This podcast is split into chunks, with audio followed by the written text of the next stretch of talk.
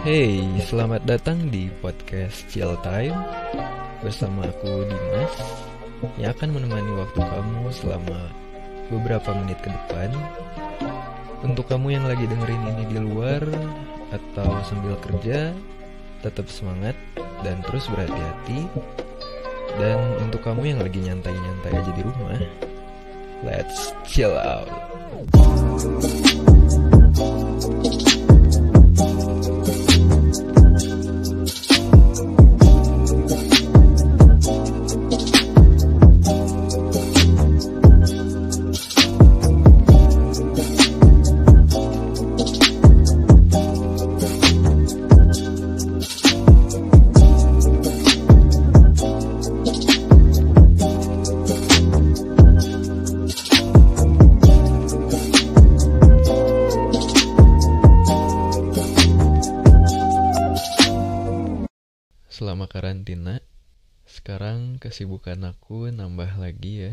Yaitu melihara anak ayam, ayam kecil, sama melihara pau ya. Karena karena saking gabutnya gitu ya di rumah mau ngapain lagi woi gitu. Ya udah akhirnya melihara aja itu dua. Tiba-tiba ya kan pulang dari masjid gitu terus le ini katanya pas dilihat apaan kayak bungkusan gorengan kan masa lagi puasa tapi bawa-bawa gorengan gitu. Terus pas begitu diintip eh ternyata anak ayam eh tiga tiga biji. Masih kuning kuning baru keluar bulunya sedikit tuh di sayap sama di di ekor. Sekarang ya berarti udah udah ya lumayan dewasa. Nggak dewasa maksudnya nambah gede lah gitu selama diurus. Karena katanya ayam yang kayak gitu tuh nggak bisa bertahan hidup lama ya walaupun bukan ayam-ayam yang diwarnain itu kan yang yang aku sempat lihat tuh proses warnainnya kayak gimana. Ternyata di di apa sih di gula galo gitu loh. Kasihan banget kayak di dalam mesin cuci lah katakanlah. Cuman ini mah nggak pakai mesin cuci gitu. Cuman tetap aja maksudnya di galonnya tuh diaduk-aduknya tuh kayak di dalam mesin cuci kayak gitu bayangin. Itu justru yang makanya kenapa nggak bertahan lama tuh mungkin karena itu gitu ya. Dan kenapa melihara pau juga? Karena eh kerasa rindu aja.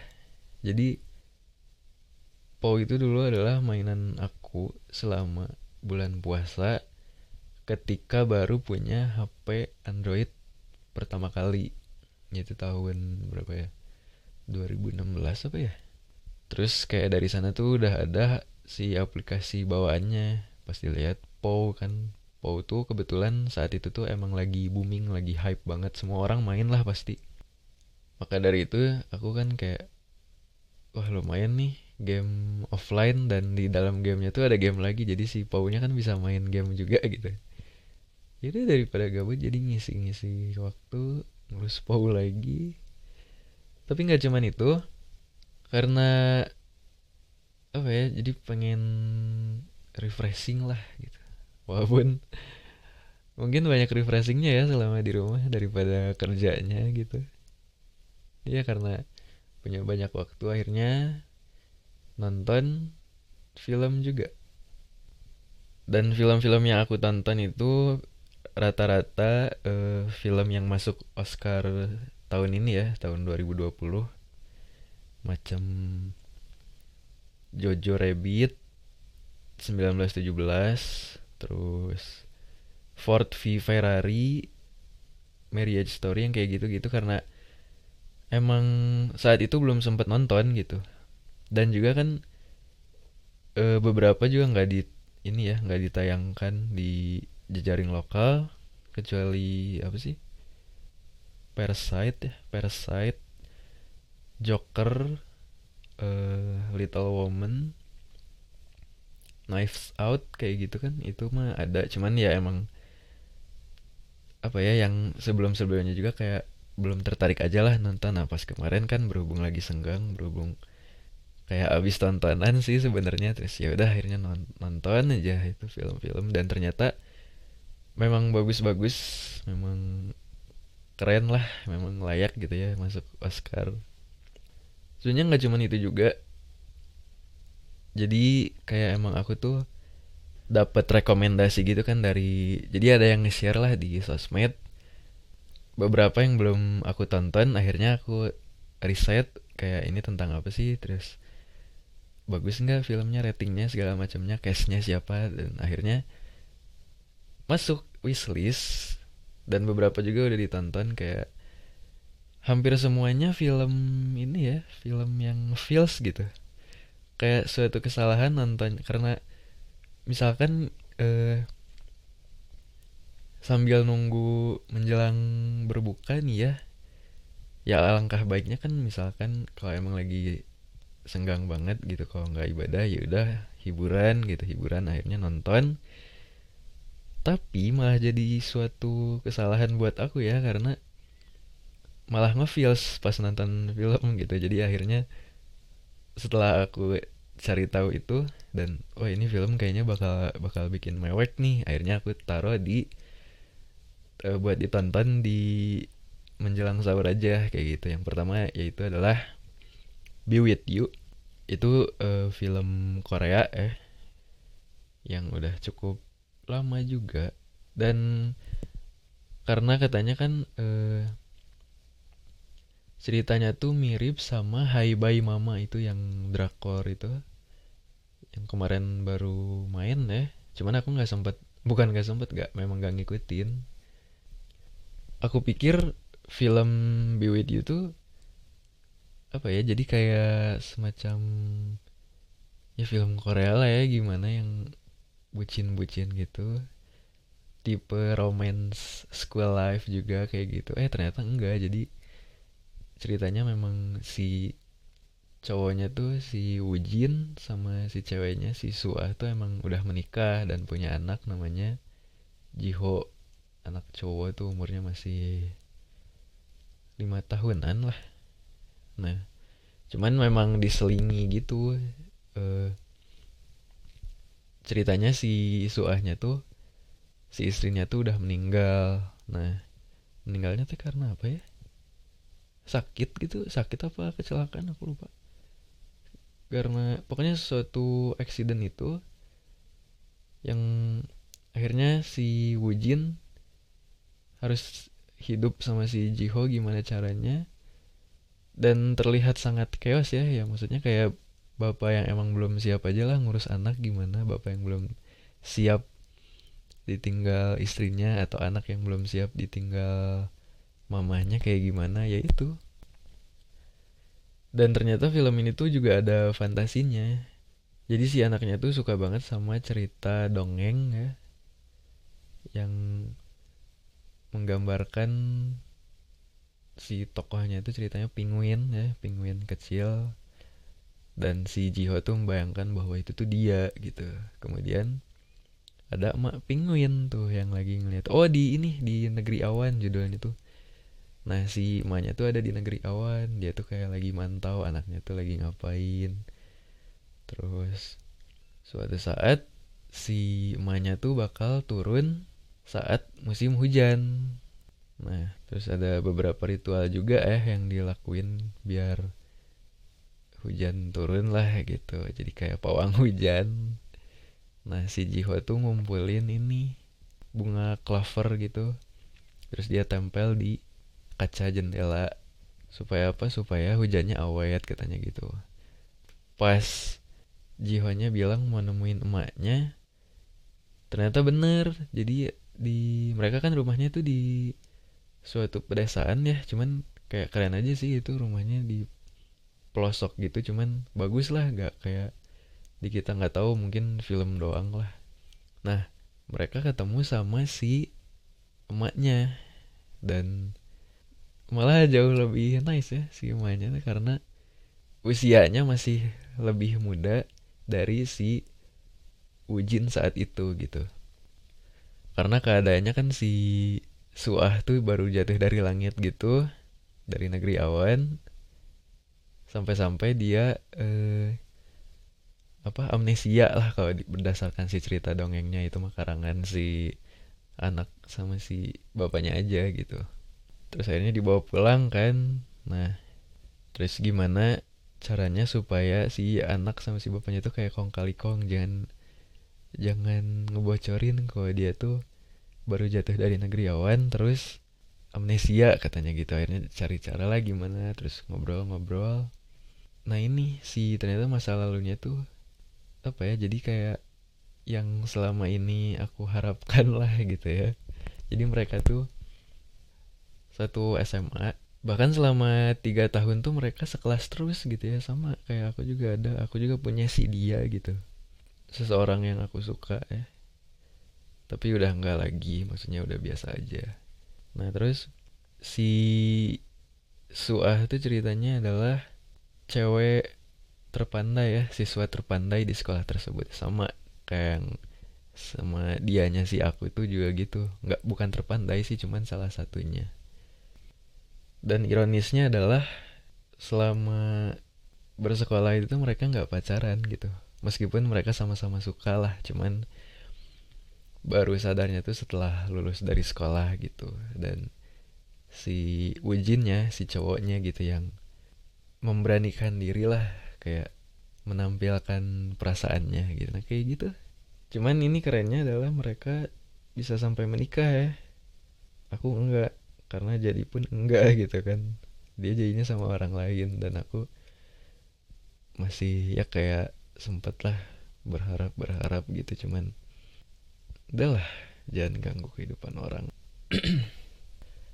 Dan dulu juga aku sempat berpikir katanya kan eh, SMA itu adalah masa-masa paling indah gitu ya di mana masa remaja tuh yang akan menemukan cintanya tuh di sana di SMA terus aku kayak apa iya? gitu kan. Dan ternyata bener aja gitu. Aku nggak nggak apa ya nggak mencari-cari. Jadi emang katakanlah sebuah kebetulan gitu apa ya namanya serendipity serendipity atau serendipitai pokoknya itulah. Jadi emang sebuah kebahagiaan yang datang secara kebetulan dan nggak kita cari gitu itu aku ternyata mengalaminya juga gitu ya. Wow aku tidak menyangka. Sampai akhirnya si si cewek itu si Wujin eh si soalnya tuh harus pulang lagi ke asalnya lah. Tapi setiap hujan dia juga turun walaupun nggak nggak ketemu sama suami sama anaknya. Jadi kayak cuman sekali pertama aja yang waktu itu. Karena ya nggak mungkin lah harus mengulang kesedihan yang berkali-kali gitu. Apalagi kan seiring berjalannya waktu kan si Wujinnya makin tua si Jihwanya makin dewasa gitu kan. Jadi ya udah mereka nggak ketemu lagi semenjak pertemuan pertama itu. Itu ngefeel sih dan aku suka aktrisnya ya yang meranin si Soah waktu muda. Itu nice banget. Terus yang kedua aku nonton Happy Old Year. Itu film film Thailand ya.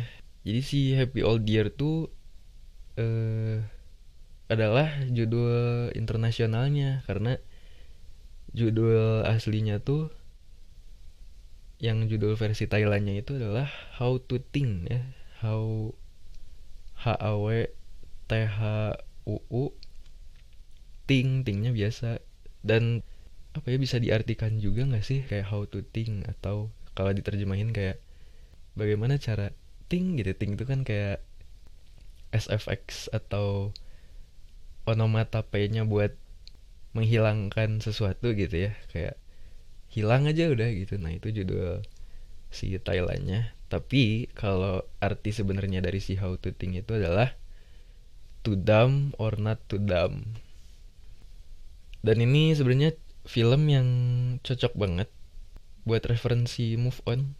Serius. Jadi kayak kamu misalkan pengen move on nih dari si dia gitu adalah dengan cara salah satunya kalau dari film ini tuh adalah si Jan ya si pemeran utamanya tuh dia move on dari berbagai situasi itu dari ini dengan membereskan barang lah. Dan ada beberapa rules ya tentang si how to move onnya tuh. Yang pertama adalah tetapkan tujuan dan cari inspirasi katanya gitu. Nah jadi kalau di film ini inspirasi yang dia terapkan tuh adalah si rumahnya itu bertemakan minimalis gitu ya. Bahkan di suatu ruangannya tuh waktu kayak interview gitu cuman kayak tembok putih terus ruangannya juga nggak terlalu luas sama cuman ada meja meja bulat gitu lah.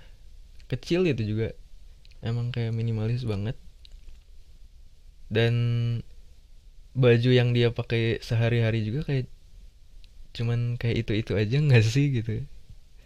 Bajunya tuh bentuknya kayak seragam selalu pakai baju putih. Terus celananya celana hitam. Jadi emang selalu kayak gitu si outfitnya tuh emang sederhana banget lah. Tapi emang benar ini kita gitu ya sebagai manusia yang emang pengen bergerak pengen move on adalah memang itu tetapkan tujuan.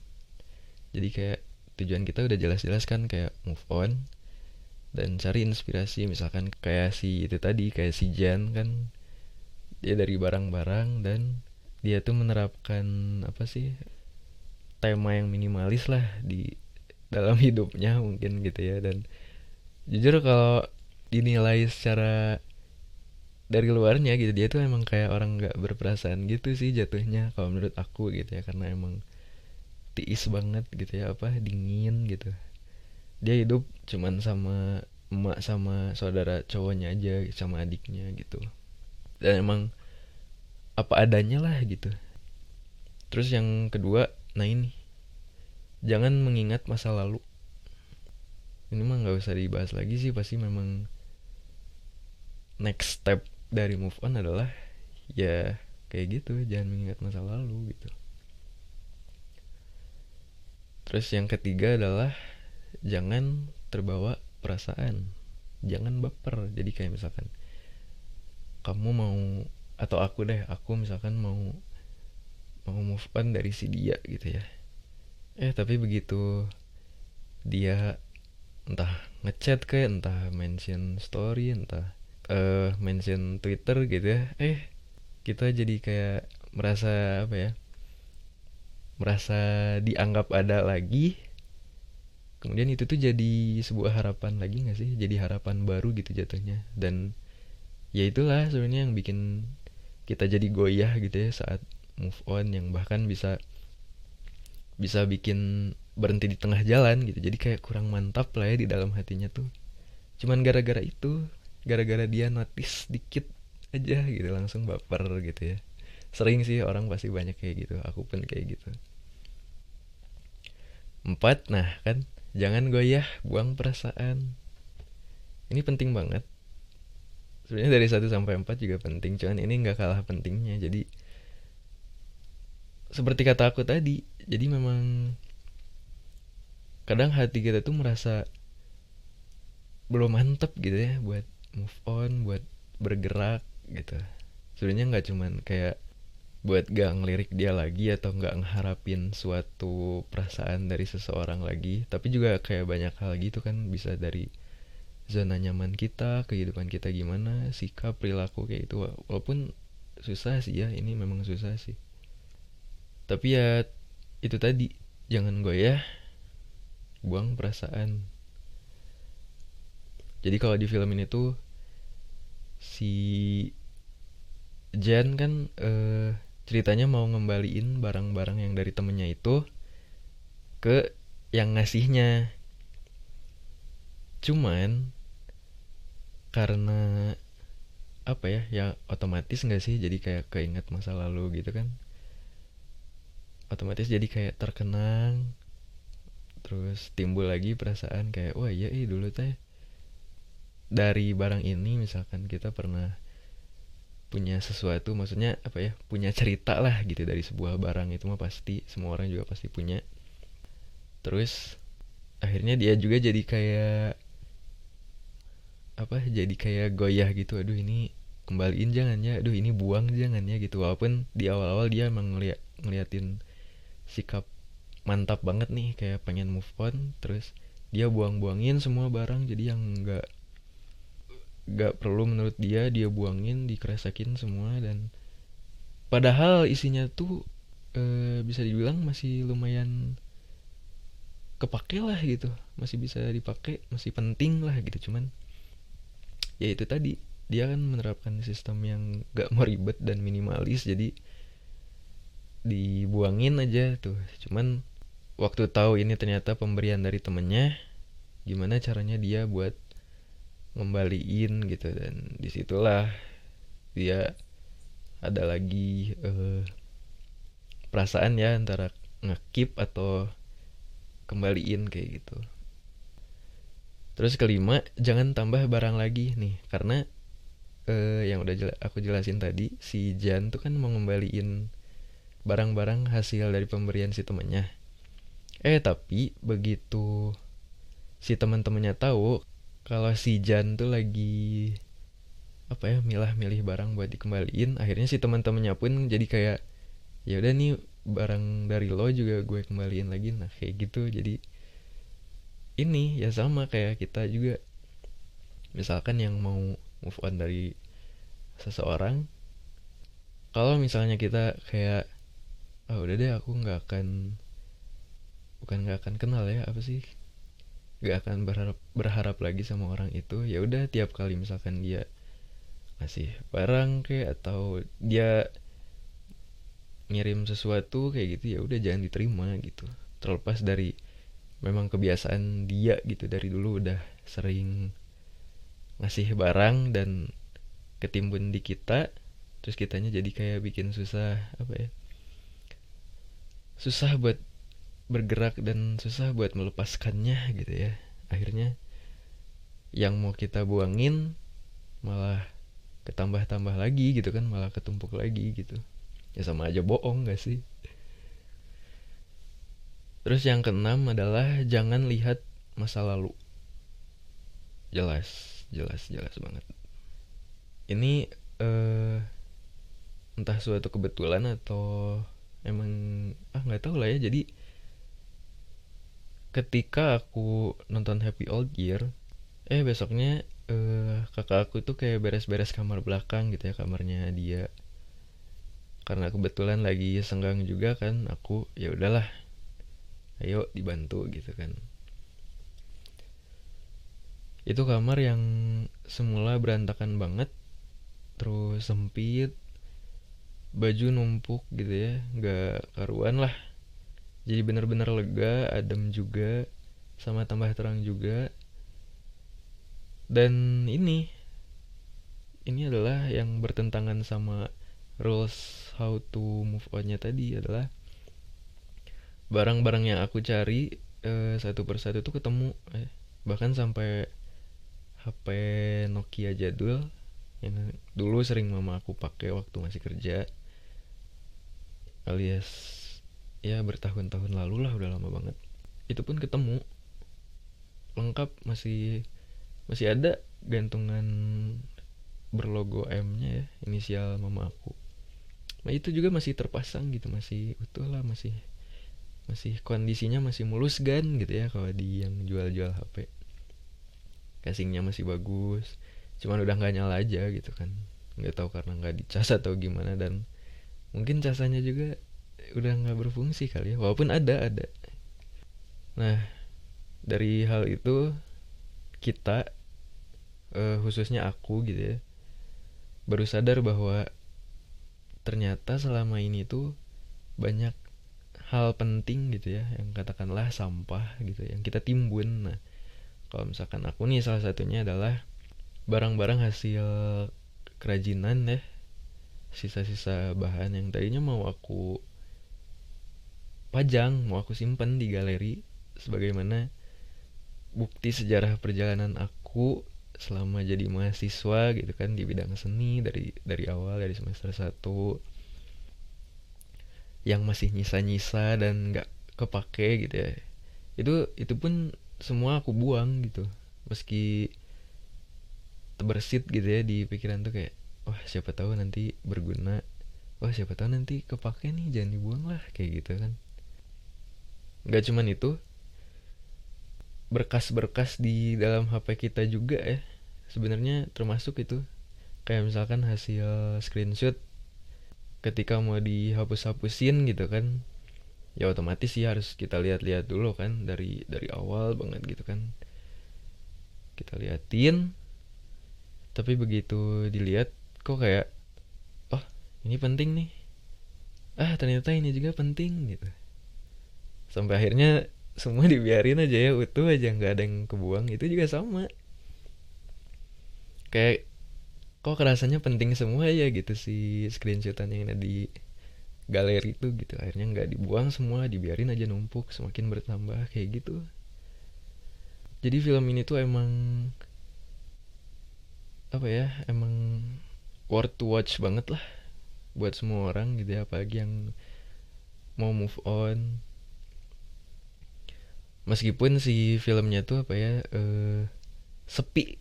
Jadi emang gak banyak back sound bahkan gak ada mungkin ya. Sepi gitu. Memang bikin ngantuk cuman tetap kita harus fokus gitu. Gak ngebosenin sih ceritanya cuman karena mungkin sepi aja gitu. Dan si kameranya tuh uh, kalau aku lihat nih ya dari kacamata pengetahuan film anjay. Kalau aku lihat tuh jadi si kameranya tuh standby gitu. Jadi nggak kayak dari frame satu ke frame satunya tuh emang stay aja kamera nggak banyak geraknya. Kayak misalkan orang jalan gitu ya udah. Jadi si orangnya tuh menjauh dari kamera bukan si kameranya yang ngikutin orangnya jalan kayak gitu. Dan juga si pemeran si Jannya tuh adalah aduh aku lupa namanya. Pokoknya dia tuh yang main di film Bad Genius juga itu aku suka emang apa ya kelihatan gitu ya. Jadi emang beda banget. Ya udah pasti beda sih. Cuman maksudnya dia bisa mengeksplorasi acting yang bagus lah gitu dari peran yang di Bad Genius gimana terus yang di uh, How to Think gimana. Itu sih itu keren banget kemudian yang ketiga adalah film sama ini juga dari Netflix. Judulnya Marriage Story. Yang mungkin gak sempet tayang ya di Indonesia. Atau tayang cuman aku nggak tahu ya waktu itu. Ini filmnya cukup berat sih ya katakanlah. Terkait soal perceraian. Nah jujur aja sama ini juga kayak si Happy Old Year tadi jadi aku nggak nonton trailer sama lihat sinopsisnya dulu. Cuman aku tahu dari si posternya yang mainnya tuh si Scarjo sama Adam Driver. Ya udah akhirnya ditonton lah itu dan katanya emang feels karena aku juga apa ya emang lagi pengen nyiksa banget mata eh masuk wishlist ditonton dan beneran ngefeels. Walaupun ya itu tadi berat kata aku juga. Berat cuman bisalah diikuti oleh yang 13 tahun ke atas mah gitu. Paling di sini aku mau bahas tentang si apa ya tentang actingnya aja sih gimana. Jadi si Scarjo dia tuh berperan sebagai Nicole.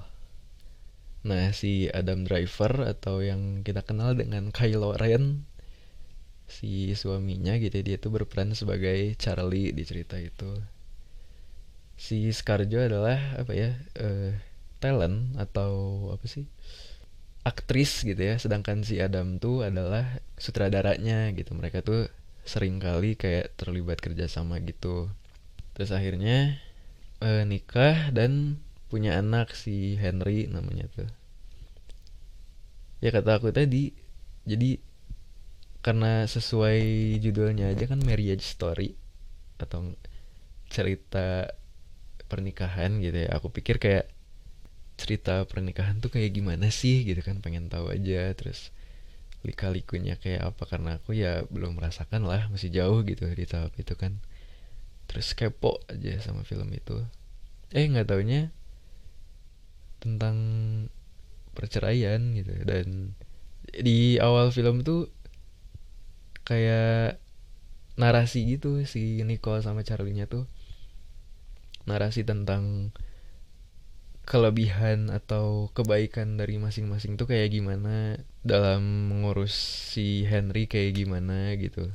Eh nggak taunya eh, mereka tuh lagi bacain narasi itu tuh di konseling gitu alias buat memantapkan si perceraiannya tuh kayak gimana. Nah itu oh dikirain bakal romance romance aja gimana gitu kan. Itu tapi keren sih kayak acting si Scarjo-nya kayak gimana. Karena yang aku tahu jadi dia tuh memerankan tokoh ibu ya sama kayak di film Jojo Rabbit. Dan jujur aja aku kayak lebih oh iya ternyata Scarjo tuh lebih cocok memerankan tokoh ibu gitu daripada kayak hero di Marvel ya. Dia kan jadi Black Widow. Itu tuh jadi kayak kurang kerasa aja gitu. Kok jadi beda gitu ya? Begitupun si si Adam Drivernya kan kayak aku pertama tahu dari Star Wars dia jadi si Kylo Ren. Walaupun sifatnya sama sih kayak di film itu. Tetap memerankan sosok pemimpin lah gimana. Terus kan kayak egois juga gitu dan di filmnya juga ada kayak disinggung Ben. Ben tuh kan nama aslinya si Kylo Ren ya. Ini aku nggak ngerti siapa maksudnya. Referensi mungkin terus juga kayak film-film luar angkasa itu juga ada di notice di Marriage Story. Sampai akhirnya eh pas mereka cekcok itu wah keren banget dan bikin ngefeel sebeneran jadi apa ya?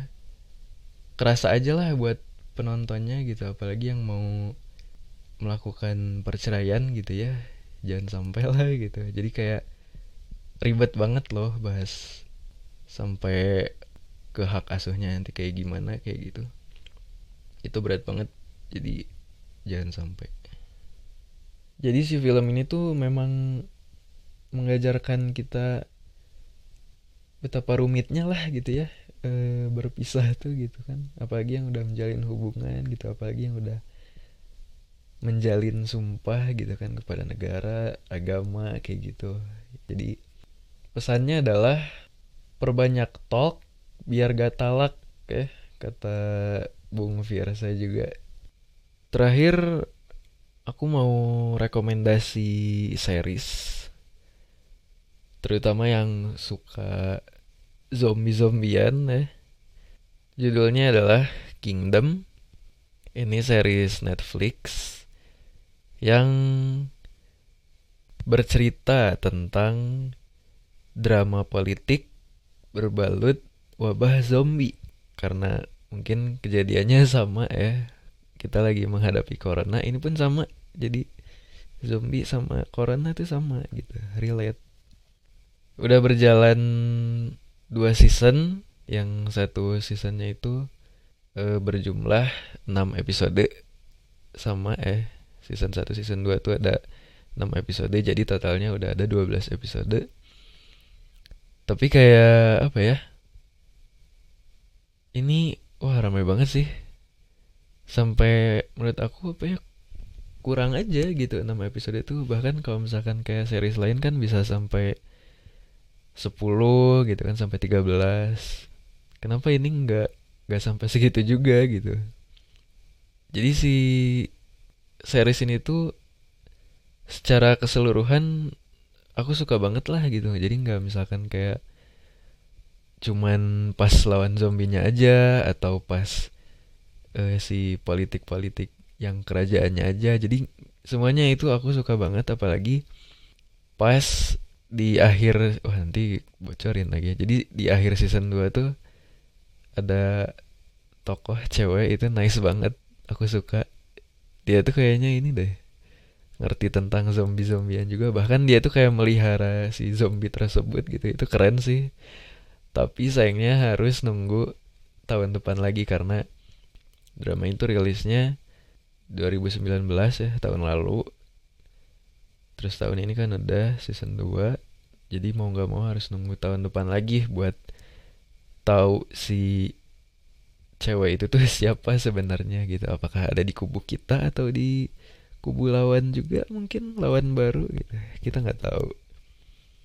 Tapi itu serius itu aku suka banget. Jadi nggak nggak kayak misalkan si Money Heist gitu ya La Casa Papel yang aku suka bagian drama si profesor sama si inspektur aja misalkan gitu kan. Jadi kayak langkah si profesor tuh nggak nggak kebaca aja gitu kayak uh, misalkan udah ketahuan nih tapi gimana caranya dia berimprovisasi terus kayak memikirkan strategi apa berikutnya itu tuh kayak nggak kebaca. Terus juga setiap gerak geriknya juga gak ngerti gitu ya.